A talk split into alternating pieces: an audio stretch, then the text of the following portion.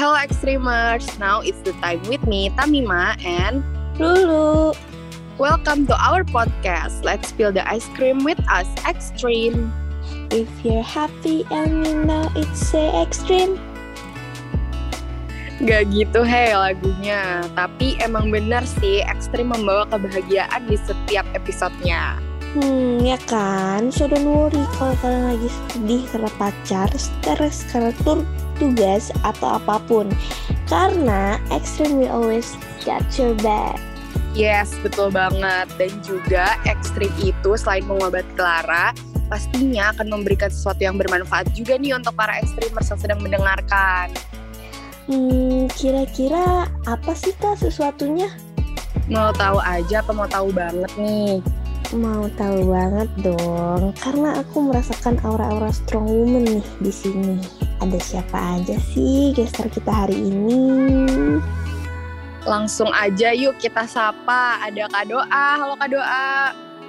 Halo semuanya, apa kabar? Halo Kak Doa, baik. Baik Kak. Bagus, bagus, Next bagus. ada Kak Akila. Halo Kak Akila. Halo guys. Hai. Dan terakhir ada Kak Gading. Halo Kak Gading. Halo semuanya. Halo Kak Gading. Oke. Nah, udah pada tahu nama-namanya kan. Nah, tapi kira-kira kenapa sih lu mereka kita invite ke sini? Apakah karena mereka suka bagi-bagi rezeki atau karena apa nih? Ih, masa nggak tahu sih Kak? Kakak-kakak ini datang ke sini tuh karena mereka itu lagi merasakan yang nama internship.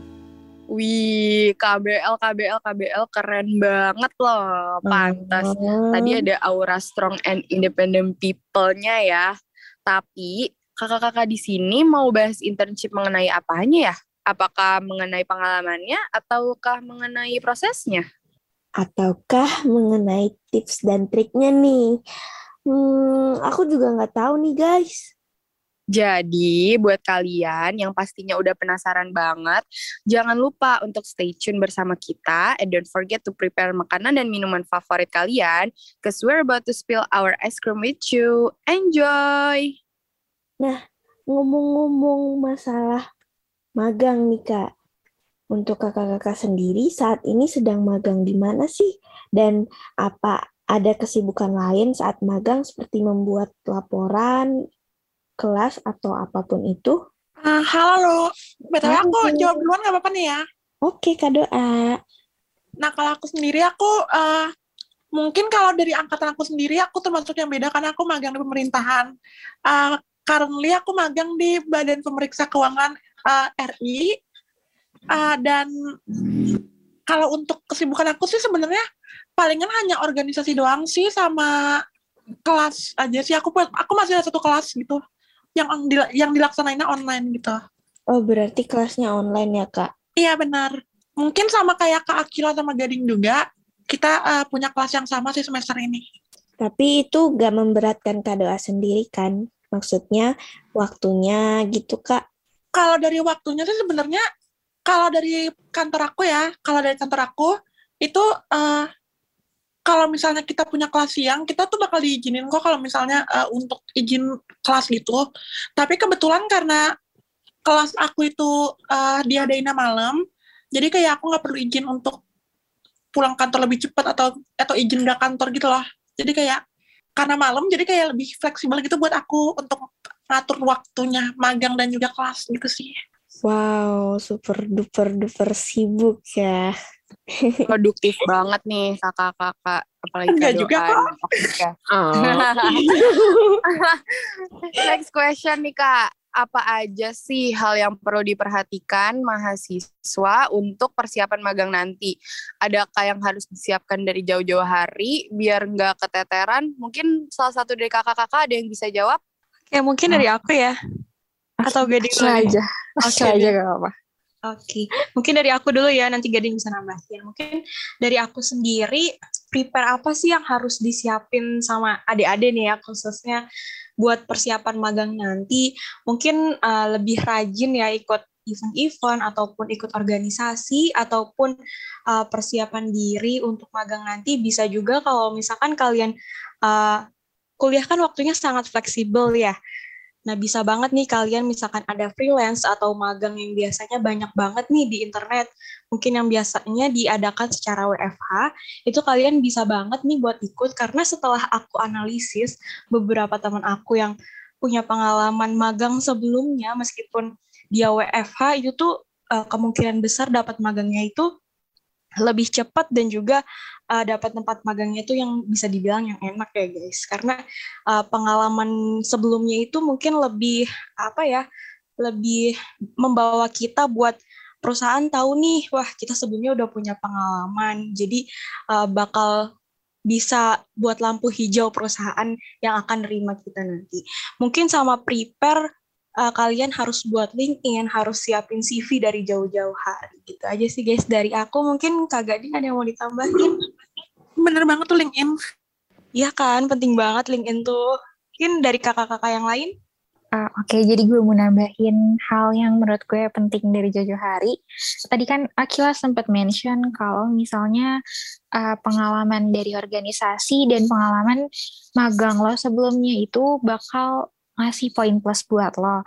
Jangan lupa kalau misalnya kita pun uh, perlu sebuah sertifikasi buat nambahin value CV lo itu sendiri gitu. Karena menurut gue itu sangat-sangat penting. Dan uh, as I know gitu, uh, kita sebagai mahasiswa accounting gitu, itu tuh banyak banget sertifikasi yang bisa kita ambil gitu. Karena setelah gue kerja, gue merasa uh, ternyata waktu pas gue kuliah tuh waktu gue tuh fleksibel gitu. Seharusnya gue saat itu mengambil banyak sertifikasi gitu. Biar uh, seenggaknya ketika magang CV gue tuh memiliki value yang tinggi menurut gue gitu ya. Dan uh, as we know kalau sekarang CV itu kan udah pakai sistem uh, applicant tracking systems atau yang dikenal sebagai ATS. Jadi kalau bisa lo siapin CV lo dari jauh-jauh hari biar bisa dapat skor ATS yang bagus. Selain itu, uh, jangan lupa buat rapihin LinkedIn profile lo dari jauh-jauh hari biar terlihat menarik dan lo bisa banyakin connection lo termasuk connection lo dengan HR-HR dari company yang bersangkutan. Wow. Tapi untuk okay. CV itu sendiri biasanya apa aja sih Kak yang bisa dimasukin masukin ke CV kayak uh, bisa nggak sih Kak kayak pengalaman kita jadi panitia event atau ikut seminar gitu bisa dimasukin ke CV nggak sih Kak? Nah, mungkin aku bantu jawab tadi tadi uh, bener banget kata Gading kalau koneksi itu penting. Nah, salah satunya itu adalah dengan kita ikut organisasi. Nah, misalnya kayak kalian uh, di accounting di PU kan kalian kan ada Puma. Nah, kalian bisa banget tuh kalian join Puma, daftar Puma, nambah relasi. Karena di Puma sendiri itu kan banyak eventnya tuh. Kayak tiap bulan, hampir dua bulan sekali lah, pasti ada event gede gitu kan yang diadain. Nah, itu event-event itu bakal uh, ngisi link ngisi LinkedIn, ngisi CV kalian banget. Jadi kayak kesannya tuh kayak kalian itu ngasih impression buat para recruiter itu tuh bahwa oh kalian ini adalah orang-orang yang emang bisa kerja gitu loh dan bisa beradaptasi uh, dengan lingkungan baru, dengan event baru, dengan orang-orang baru juga gitu loh. Hmm. Itu pertama. Terus yang kedua, mungkin uh, lebih ke kalian ikut kayak karya-karya ilmiah atau misalnya kayak uh, ikut lomba lomba-lomba makalah atau lomba-lomba uh, yang berhubungan sama uh, studi misalnya studi akuntansi gitu-gitu. Karena aku lihat juga beberapa teman aku yang uh, emang ikut lomba kayak makalah kayak gitu mereka juga diterima di KP misalnya kayak gitu. Terus yang terakhir mungkin uh, jangan membatasi koneksi kalian. Misalnya kayak uh, kalian punya teman teman SMP kalian nih misalnya sekarang dia magang jadi HR misalnya di PTA. Nah, kalian connect aja ke mereka. Kalian nggak perlu kayak awkward, ah gila dia teman SMA aku, kayak eh teman SMP aku kayak udah lama banget. Nah, kan tujuannya kan kalian kan sama-sama nyari magang ya. Dan dia juga kebetulan ada opportunity buat magang di tempat itu. Jadi kalian connect aja ke mereka. Uh, eh, uh, Kiki, gue pengen dong kayak uh, gue lagi nyari magang nih, boleh nggak kayak uh, gue kirim CV gue ke lo gitu. Jadi kayak kalian jangan membatasi koneksi kalian uh, pada rekruter-rekruter yang udah ternama-ternama aja karena kalian bisa juga pakai teman-teman kalian yang magang seba magang jadi uh, HR intern di perusahaan-perusahaan gitu. Gitu sih mungkin kalau dari aku. Oke, aku boleh sedikit nambahin? Boleh dong. Oke, Melakukan. mungkin dari aku poinnya aja ya. Uh, mungkin poinnya kalau dari aku uh, apa aja sih yang harus dimasukin ke dalam CV dan uh, bisa nggak sih kalau misalkan panitia event atau ikut seminar tuh bisa nggak sih kira-kira dimasukin ke dalam CV? Uh, as I know ya, uh, kalau misalkan untuk dimasukin dalam CV untuk apply intern itu untuk seminar menurutku itu sebenarnya uh, belum bisa dimasukin ke dalam CV karena mungkin kalian banyak banget nih ikut seminar kan gak mungkin juga kan untuk dimasukin ke dalam CV ya. Uh, kalau untuk panitia, panitia event sendiri itu mungkin bisa uh, misalnya nih kalian jadi HOD atau PIC gitu. Kalian bisa banget menurutku karena uh, di uh, Press Unif ini banyak banget event yang kalian ikutin, nah kalian bisa banget filter, misalkan kalian jadi PIC apa, atau HOD apa, atau mungkin yang ikut UMA itu bisa banget buat dimasukin ke CV kalian. Mungkin dari aku itu aja sih. Oke, thank you Kak Akila, Kak Doa. Oke, next question ya kak. Eh, cari tempat magang. Nah, cari tempat magang waktu itu kakak-kakak ini itu dari mana sih kak? Dari aplikasi atau dari mana? Eh, ada rekomendasi nggak dari kakak-kakak nih yang paling sering direspon itu tuh lewat mana? Apa Uh, bener nggak sih kalau di PU tuh kalau kita mau magang nanti tuh dibantu gitu? Coba boleh share dong kak? um, aku coba bantu jawab ya soal yang ini. Uh, based on my experience last time waktu pas cari magang, itu banyak banget website yang bisa lo pakai untuk cari lowongan internship itu sendiri. Such as LinkedIn, Indeed, Glints, atau website dari company itu sendiri. Tapi gue pribadi lebih banyak menggunakan LinkedIn dan website company yang bersangkutan. Untuk LinkedIn sendiri, uh, lumayan sering HR tuh uh, ngepost mengenai lowongan internship di profile mereka pribadi. Kemudian uh, mengenai apakah pihak kampus memberikan bantuan untuk mencari magang, uh, tentu kami merasa dibantu oleh pihak kampus. Ya for example, di sini ada Akila yang kebetulan tuh dibantu sama pihak kampus untuk magang di salah satu company di Jababeka. Mungkin Akila bisa ngasih experience-nya. Oke, uh, mungkin dari aku sendiri PU tuh uh, ngebantu banget ya. Aku kerasa dibantu banget sebenarnya sama PU ini. Karena apa? Mungkin Presiden University ini, as we know ya, uh, merupakan uh, universitas swasta yang mungkin cukup terkenal. Apalagi udah bekerja sama juga sama Jababeka dan beberapa company besar di Cikarang khususnya dan juga Jakarta udah mulai familiar nih dengan apa sih uh, Presiden University itu kualitas anak-anaknya seperti apa sih gitu kan. Mungkin dari Jababeka sendiri, setelah uh, banyak yang aku tahu dan aku dengar, banyak banget perusahaan yang cari anak Press Unif nih teman-teman. Jadi jangan jangan sampai teman-teman dari Press Unif ini ngecewain uh, company nih. Nah, dari aku sendiri, aku sekarang kan magang di salah satu perusahaan besar di Cikarang ya di kawasan Egypt tentunya. Nah ini aku uh, dapat bantuan dari PU dan uh, lumayan banget sih guys uh, internship di situ dan merasa terbantu banget sama Unif ini. Nah, gitu. Ah, aku boleh nambahin kah? boleh dong Kak. Boleh kak, boleh. Nah, kalau dari aku, aku nggak mau nutup-nutupin. Aku dapat koneksi dari uh, kenalan keluarga. Ya, kalian buat yang kayak dapat magang dari kenalan keluarga atau misal kalian dapat uh, magang dari uh, jalur orang tua kalian, kalian nggak perlu khawatir karena artinya ya bagus dong orang tua kalian punya koneksi, artinya kalian bisa kayak memulai karir dari situ. Dan kalian tuh nggak boleh ngeras, nggak perlu ngerasa kayak, aduh gengsi banget gue uh, kayak uh, nerima magang dari orang tua gue atau misalnya dari uh, relatif gue gitu kayak kalian nggak perlu gengsi karena tujuan kalian magang itu adalah kalian memulai karir kalian gitu loh. Kalau misalnya kalian nolak-nolak kayak gitu, kayak kalian awal karir aja kalian udah milih-milih koneksi, menurut gue itu sayang banget sih.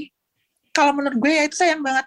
Karena uh, nyari koneksi itu tuh susah. Apalagi kalau misalnya uh, kalian punya opportunity, punya kesempatan dan kalian gak pakai, menurut gue itu sayang banget. Jadi kalau misalnya orang tua kalian tuh punya koneksi, pakai aja manfaatin aja bukan maksudnya manfaatin orang tua maksudnya manfaatin koneksinya Ya, Iya, oke oke. itu ya guys ya Intinya, manfaatin koneksi orang tua bukan manfaatin Betul. orang tua betul. Intinya manfaatin koneksi sebanyak-banyaknya ya kalau bisa gitu dan iya maksudnya manfaatin bantu. kesempatan lah intinya betul. Oke. Em, boleh dong Kak spill sedikit nih tips jawab pertanyaan saat kita interview. Apa tuh? Mungkin dari aku ya. Nanti teman-teman lain yang lain boleh kalau misalkan mau nambahin. Mungkin aku waktu itu udah dapat panggilan dari beberapa company dan waktu itu sempat melakukan beberapa interview ya. Mungkin jawab pertanyaan interview tuh aku waktu itu kebetulan interviewnya tuh offline dan baru pertama kali diinterview oleh manajer PT itu sendiri dan juga HR ya tentunya. Yang pastinya deg- deg-degan banget dong guys gitu kan.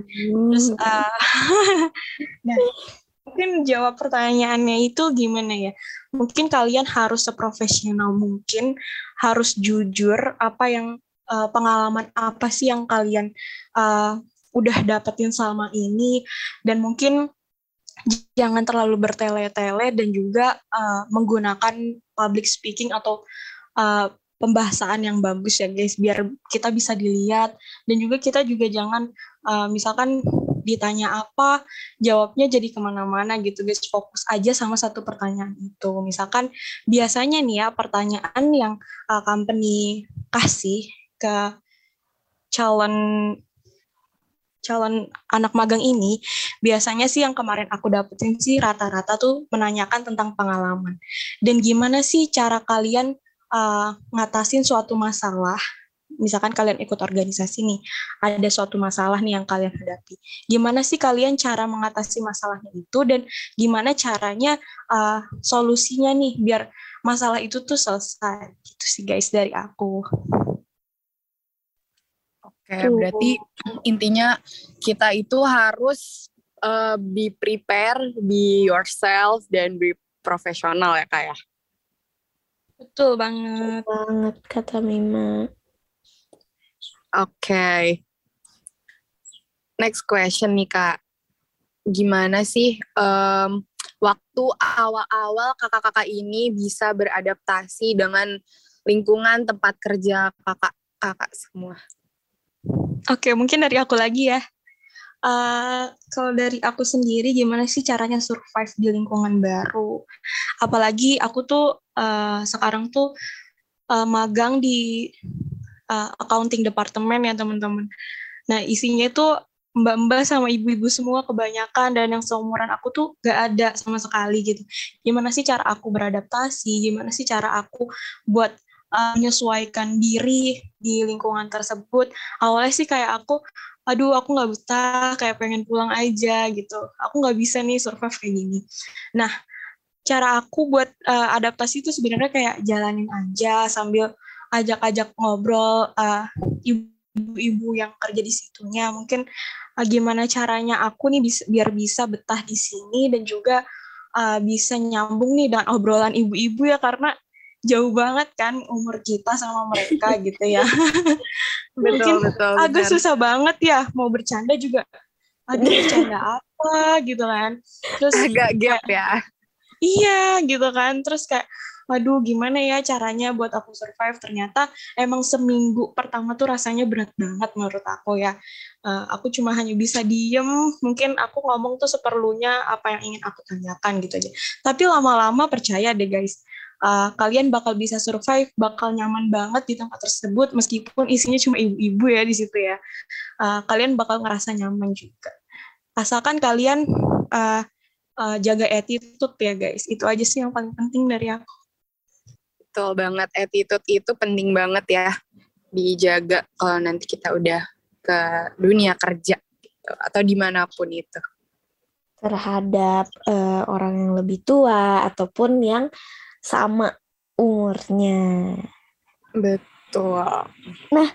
Kak, ngomong-ngomong, selama cari tempat magang dan kerja nih, apa sih pengalaman yang menurut kakak tuh baru dirasakan gitu, pengalaman yang baru gitu? hal baru apa yang kakak rasain saat uh, kakak nyari tempat magang atau kerja? Uh, mungkin aku mau jawab. Jadi aku sendiri itu uh, tipe orang yang oversharing ya kalau di kampus terkenal ya. Nah, nah ketika masuk dunia kerja, kalian tidak bisa seperti itu kawan-kawan. Karena kalian bisa digosipin sama ibu-ibu karyawan. Jadi lebih baik tutup mulut kalian. gitu. Ngomong atau enggak, aja atau enggak ya? atau enggak make make your whole different. Lah, make ubah karakter lo. Tadi nggak bisa Inggris sayang.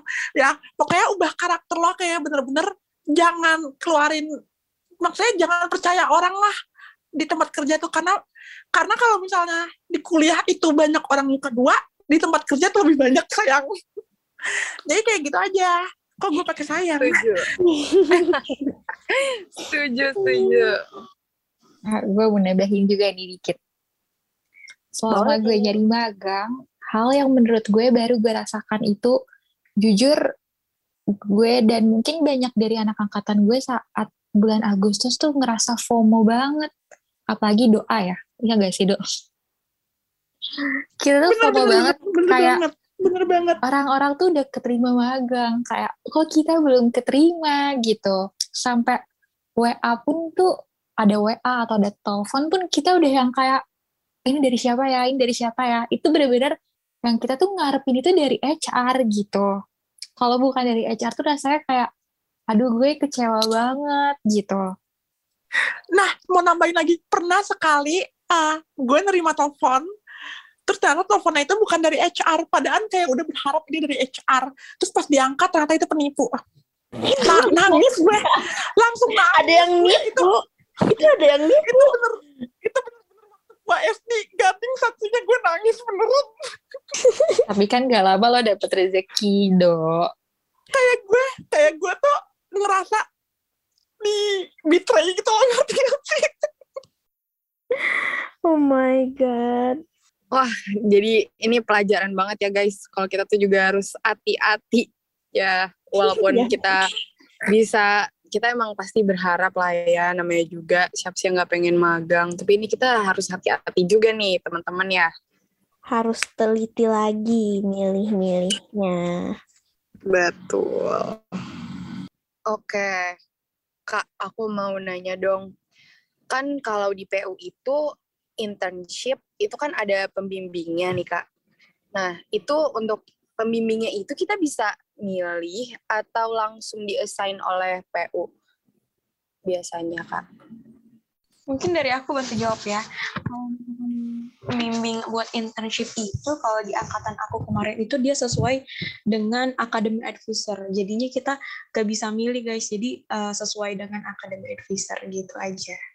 Aku mau nambahin. Silahkan. Jadi kayaknya sih kurang tepat ya Kiel. Soal gue izin mengkoreksi ya. Kayak kurang tepat kalau misalnya sesuai academic advisor. Karena gue pribadi itu beda antara internship advisor sama academic advisor gue gitu. Beda orang. Berarti berubah ya, Kak? Apa ketika kita mau magang itu tuh ditentuin lagi gitu, Kak? Sebenarnya sih itu ditentuin ya, lu. Cuman mungkin uh, di case-nya Gading tuh beda aja sih. Ah, oke okay, oke. Okay. Berarti udah ditentuin dari PU ya. Berarti nanti kita masing-masing semua udah ya istilahnya kayak terima jadi aja udah dibantu sama PU semuanya. Iya betul bang. Nah kak, kan kadang tuh walau lagi magang nih, tetap ada juga kan kayak event-event jurusan dan pasti kayak kita tuh mau ngimbangin nih antara aktif organisasi dan akademik. Boleh dong Kak tips membagi waktu dengan baik biar kerjaan kita tuh nggak setengah-setengah tapi juga kita nggak kewalahan gitu. Oke, mungkin kalau dari aku sendiri, gimana sih cara bagi waktunya antara kita magang sama uh, angkatan 20 ini masih megang event juga ya guys. Nah, jadi kalau aku sendiri tuh uh, ada beberapa join event juga. Nah, aku biasanya sih kalau misalkan pulang magang tuh aku langsung ngerjain job desk job desk uh, yang harus aku lakuin buat di event tersebut langsung aku selesain pas pulang juga sambil dicicil intinya gitu ya. Terus mungkin kalau misalkan bagian yang offline-offline kayak gitu, mungkin aku min bisa minta bantuannya ke teman-teman mungkin atau ke teman-teman yang 21 ya mungkin yang belum magang, aku bisa minta bantuannya ke mereka gitu. Mungkin aku lebih banyak bantunya yang uh, sekiranya online ataupun sekiranya aku bisa datang offline di hari libur ataupun di luar jam intern, aku bisa banget sih. Kayak gitu sih. Berarti sebenarnya waktunya tuh uh, ada ya bisa gitu kita bagi waktu nggak bakal keteteran juga. Kan ada yang lain yang bisa bantu kita juga gitu. Dan yang penting nah yang penting kitanya uh, ya tetap komit gitu sama apa yang kita lakuin mm -hmm. jadi nggak setengah-setengah. Iya kitanya tetap berkontribusi. Jangan lupa itu kontribusi paling penting. Meskipun kita juga lagi magang gitu. Oke. Okay. nah ini yang paling ditunggu-tunggu nih dari kakak-kakak semuanya nih pesan-pesan buat adik-adiknya nanti, termasuk kita juga ya lu ya. Kan kita belum magang kebetulan nih. Nah, ada nggak sih kak pesan dari kakak-kakak semua buat uh, adik-adik yang mau magang selanjutnya atau mungkin teman-teman seperjuangan yang lagi berjuang juga nih, ada nggak pesan-pesan dari kakak atau tips-tips dari kakak-kakak semua? Oke, aku coba bantu jawab yang ini ya kalau dari aku pribadi, uh, sebelumnya kan aku pernah, sebelumnya aku udah mention soal sertifikasi ya. Uh, berdasarkan pengalaman aku kemarin cari magang, uh, aku ngerasa sertifikasi itu bener-bener ngaruh banget gitu. Please ya teman-teman, kalau misalnya nanti ternyata ada sosialisasi sertifikasi, kalian ikut aja gitu. Apalagi kalau misalnya dapat harga promo, kan lumayan ya.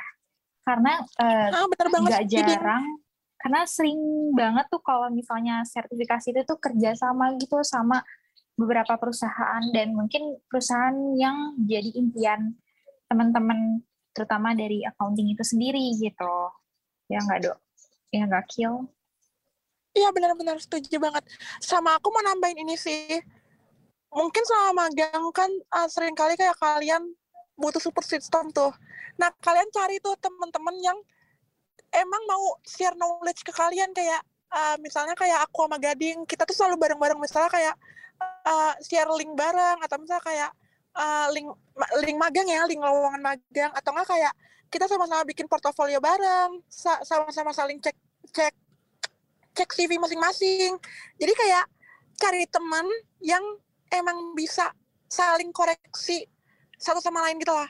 Dan saling uh, apa bikin kayak nyebar-nyebarin link buat kalian yang benar-benar support kalian. Jadi kalau misalnya kalian ada mental breakdown kayak, aduh kok gue nggak dapat magang ya, tapi yang lainnya kayak udah dapat magang. Nah kalian tuh punya temen yang emang terkhusus buat kalian tuh untuk nyupport kalian gitu loh. Kayak udah tenang aja nanti pasti ada waktunya gitu-gitu. Jadi support system tuh penting banget. Sama satu lagi koneksi. Jadi kalau misalnya kalian punya koneksi, sama seperti aku bilang di uh, pertanyaan-pertanyaan sebelumnya, even itu koneksi dari orang tua pun kalian pakai aja itu nggak masalah. Karena sebenarnya koneksi dari siapa pun itu bakal berguna buat kalian gitu loh. Kalian nggak perlu ngerasa gengsi itu dari orang tua atau misalnya itu uh, nggak pure usaha kalian sendiri. Kalian dengan kalian memasukin CV kalian ke perusahaan itu sendiri pun itu termasuk usaha dengan kalian nanyain orang tua kalian tentang koneksi mereka itu pun us kalian usaha cari kerja gitu loh. Jadi kalian jangan ngerasa oh gue punya zero effort nih di perusahaan ini. Kayak ini semuanya full orang tua gue. Enggak no. Menurut gue kalian udah ngelakuin effort kalian dengan nanya dan minta bantuan ke orang tua kalian. De dengan minta bantuan ke koneksi-koneksi yang orang tua kalian punya. Jadi kalian nggak perlu gengsi kalau misalnya kalian punya koneksi yang dari orang tua atau dari keluarga kita. Gitu aja sih kalau dari aku. Oke, okay, mungkin aku nambahin sedikit ya. Jadi uh, beberapa pesan-pesan nih buat teman-teman yang nantinya mau magang. Mungkin sebelumnya yang apa yang udah dimention sama Kak Gading sama Kak Doa itu benar banget. Uh, nah, aku ada sedikit tambahan seperti yang aku mention sebelumnya. Uh, mungkin pengalaman itu paling penting ya guys. Jangan cuma kalian ikut seminar aja nih, tapi kalian juga harus uh, mungkin ada freelance ataupun uh, magang-magang WFH ataupun apa. Kalian kalau bisa se sebisa mungkin kalian ikut buat nambahin knowledge kalian sendiri. Di mana nanti kalian uh, bakal lebih gampang untuk untuk dapat magang selanjutnya. Nah, mungkin uh, ada beberapa hal yang paling penting dari aku karena di Indonesia ini internship ada yang paid, ada yang non paid ya guys ya. Sebenarnya menurut aku sendiri itu gak masalah sih guys mau paid atau non paid. Karena selama magang ini yang kita cari adalah pengalaman ya guys tentunya.